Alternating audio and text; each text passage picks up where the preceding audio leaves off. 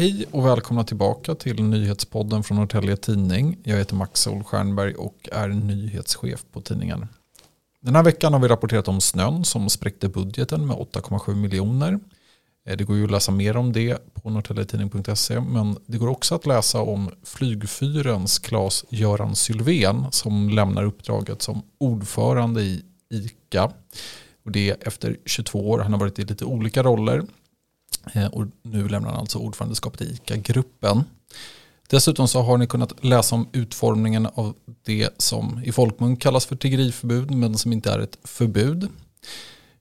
Och just nu så håller vi på att lägga sista handen på en liten artikelserie om beredskap. Och bakgrunden till den här artikelserien är nog något som de flesta av er redan hört om. Men jag tänker att vi lyssnar tillbaka och lyssnar på ministern Carl Oskar Bolin som sa så här på Folk och Försvar i Sälen i januari.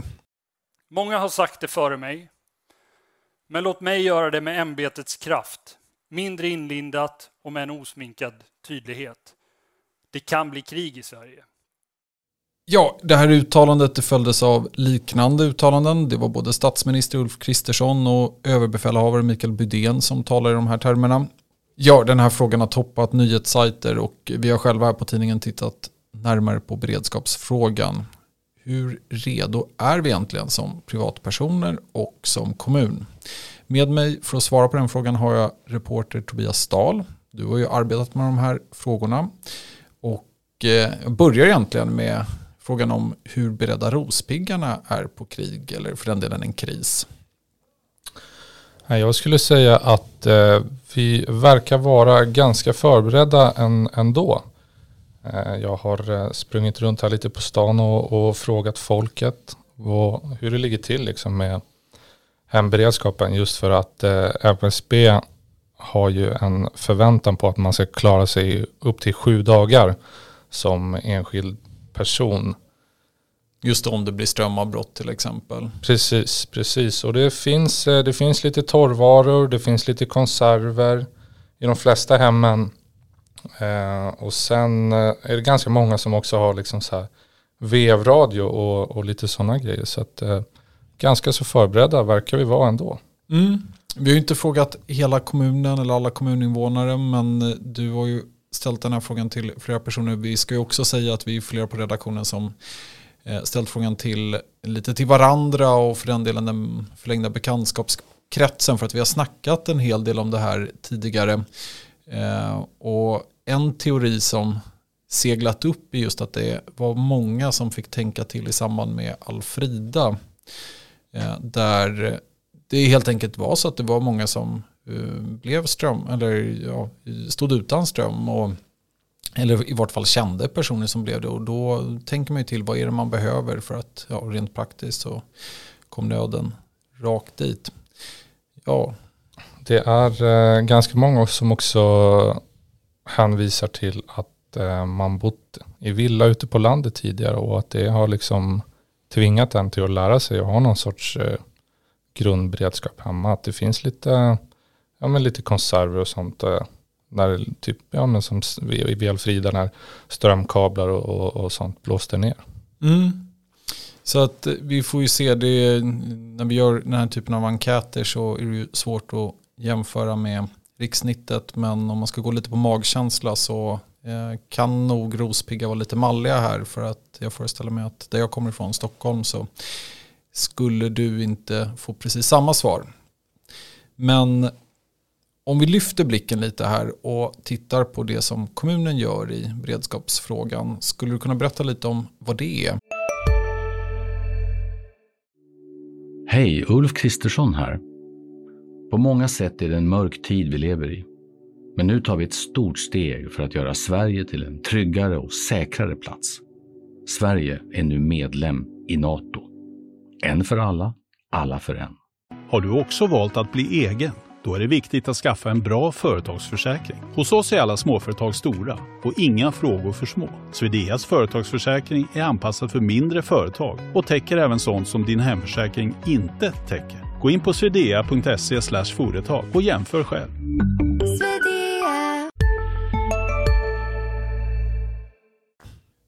Eh, men min bild är att eh, kommunen jobbar väldigt aktivt med det här. Nyligen så visade de upp sin eh, senaste investering när det kommer till beredskap, eh, vilket är något som kallas eh, mobila beredskapslager. Det är fyra containrar som för stunden stod placerade uppe vid gamla brandstation som är fyllda med diverse grejer som kan vara bra att ha vid, vid krislägen. Liksom lite elverk och det är första hjälpen och lite verktyg och den typen av saker. Så att eh, man beskriver det som en, som en krislåda fast eh, i mycket större format. Just det, och man har även, eh, och det är ju sedan tidigare, men det här med krigsplaceringar av personal. Din kollega Dennis Tienen, han har ju tittat närmare i den här serien på det som heter risk och sårbarhetsanalys. Och det är ju något som kommunen gör återkommande. Där man ringar in en rad olika scenarier för hot. Och då skissar man bland annat på till exempel krigshandlingar, det som ministern talar om. Men man tar också upp väldigt konkreta eh, faktorer som ja, kommunen ligger ju i eh, närheten av kärnkraftverket Forsmark. Vad händer vid olycka? Eh, och där så undrar jag rent allmänt, liksom, hur, hur redo är kommunen för att ta sig an den här typen av olika scenarier som en kris skulle kunna innebära? När de visade upp sina nya fina mobila beredskapslager så var även eh, Lotta Lindblad Söderman som är vår kommunstyrelseordförande och även kommunalråden Robert Beronius, Andrea Kronvall och Thomas Imeryd med. Så att eh, de eh, berättade lite vad, vad man eh, håller på med eh, när det kommer till beredskapen. Och eh, som du säger så har man ju analyserat sig själva under större delen av förra året. Vilka svagheter man har hittat ville politikerna inte berätta för mig. Men de säger i alla fall att man har att kommunen har en god beredskapsgrund men att det fortfarande finns delar att jobba med. Man pekar på att eh, det liksom inte har varit en prioriterad fråga under väldigt många år samtidigt som man har nedmonterat stora delar av civilförsvaret och försvarsmakten som nu byggs upp igen. Mm, så vi, det är ju vårt uppdrag där att titta närmare också på Eh, på de frågorna och följa upp så att det kommer vi ju, vi mottar ju gärna tips Eh, från er som lyssnar på saker vi ska titta närmare på vad gäller beredskap. Och eh, jag tänker att vi ska börja runda av. Men innan dess så ska vi kolla på den här listan som du nämnde från Myndigheten för samhällsskydd och beredskap. För de har ju alltså sammanställt en lista riktad till privatpersoner. Och det gäller ju då hemberedskapen. Eh, och där i den här listan så har man helt enkelt tagit upp saker som man från myndighetens håll menar är bra att ha hemma vid en kris i samhället. Eh, och du Tobias, du blir lite försökskanin här, men eh, om vi börjar med den här vevradion. Har du en sån hemma? En vevradio eller radio som går på batterier eller liknande har jag inte. Aj då. Eh, ficklampa eller pannlampa med extra batterier?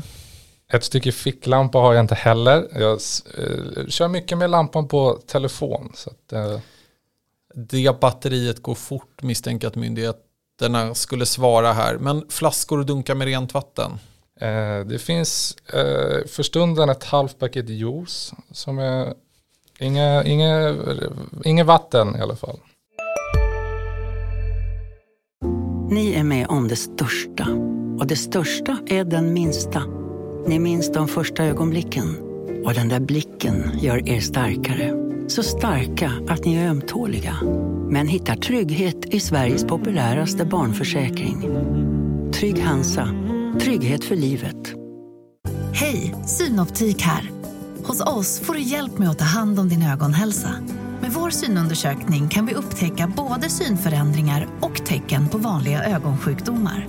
Boka tid på synoptik.se.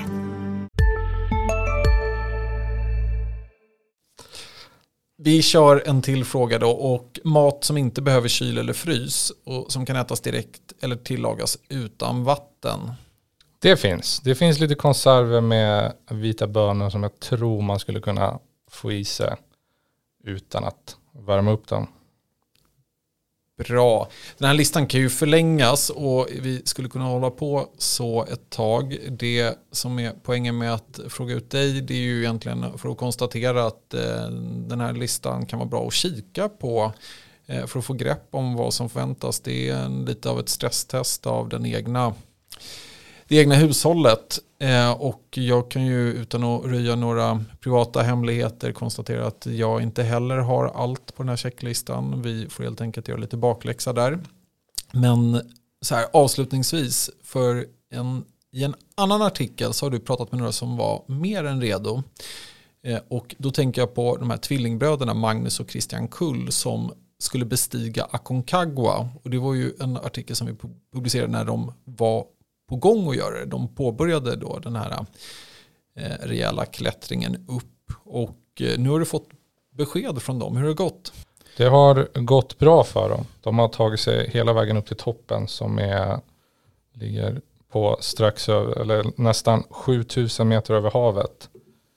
Eh, det, jag har fått en lång, eh, en lång summering av hur det gick för dem. Men det var väldigt tufft väder så att eh, ett tag så såg det inte ut som det var möjligt att göra ett toppförsök men eh, de fick en chans och den tog de. Mm, men roliga och glädjande nyheter. Du kommer få borra ner dig i den frågan också och berätta mer om den här strapatsrika resan. Vi tar och rundar av där och riktar en stor uppmaning till alla er som lyssnar. Hör av er. Hör av er och berätta om ni känner någon som är eh, en prepper av rang. Vi träffar gärna den. Vi pratar gärna med dig om du har tips på var beredskapen kanske brister. Eh, och eh, hör av dig med nyhetstips om vad den må vara. Vi lyssnar. Ni hittar kontaktuppgifter på norrtäljetidning.se och stort tack.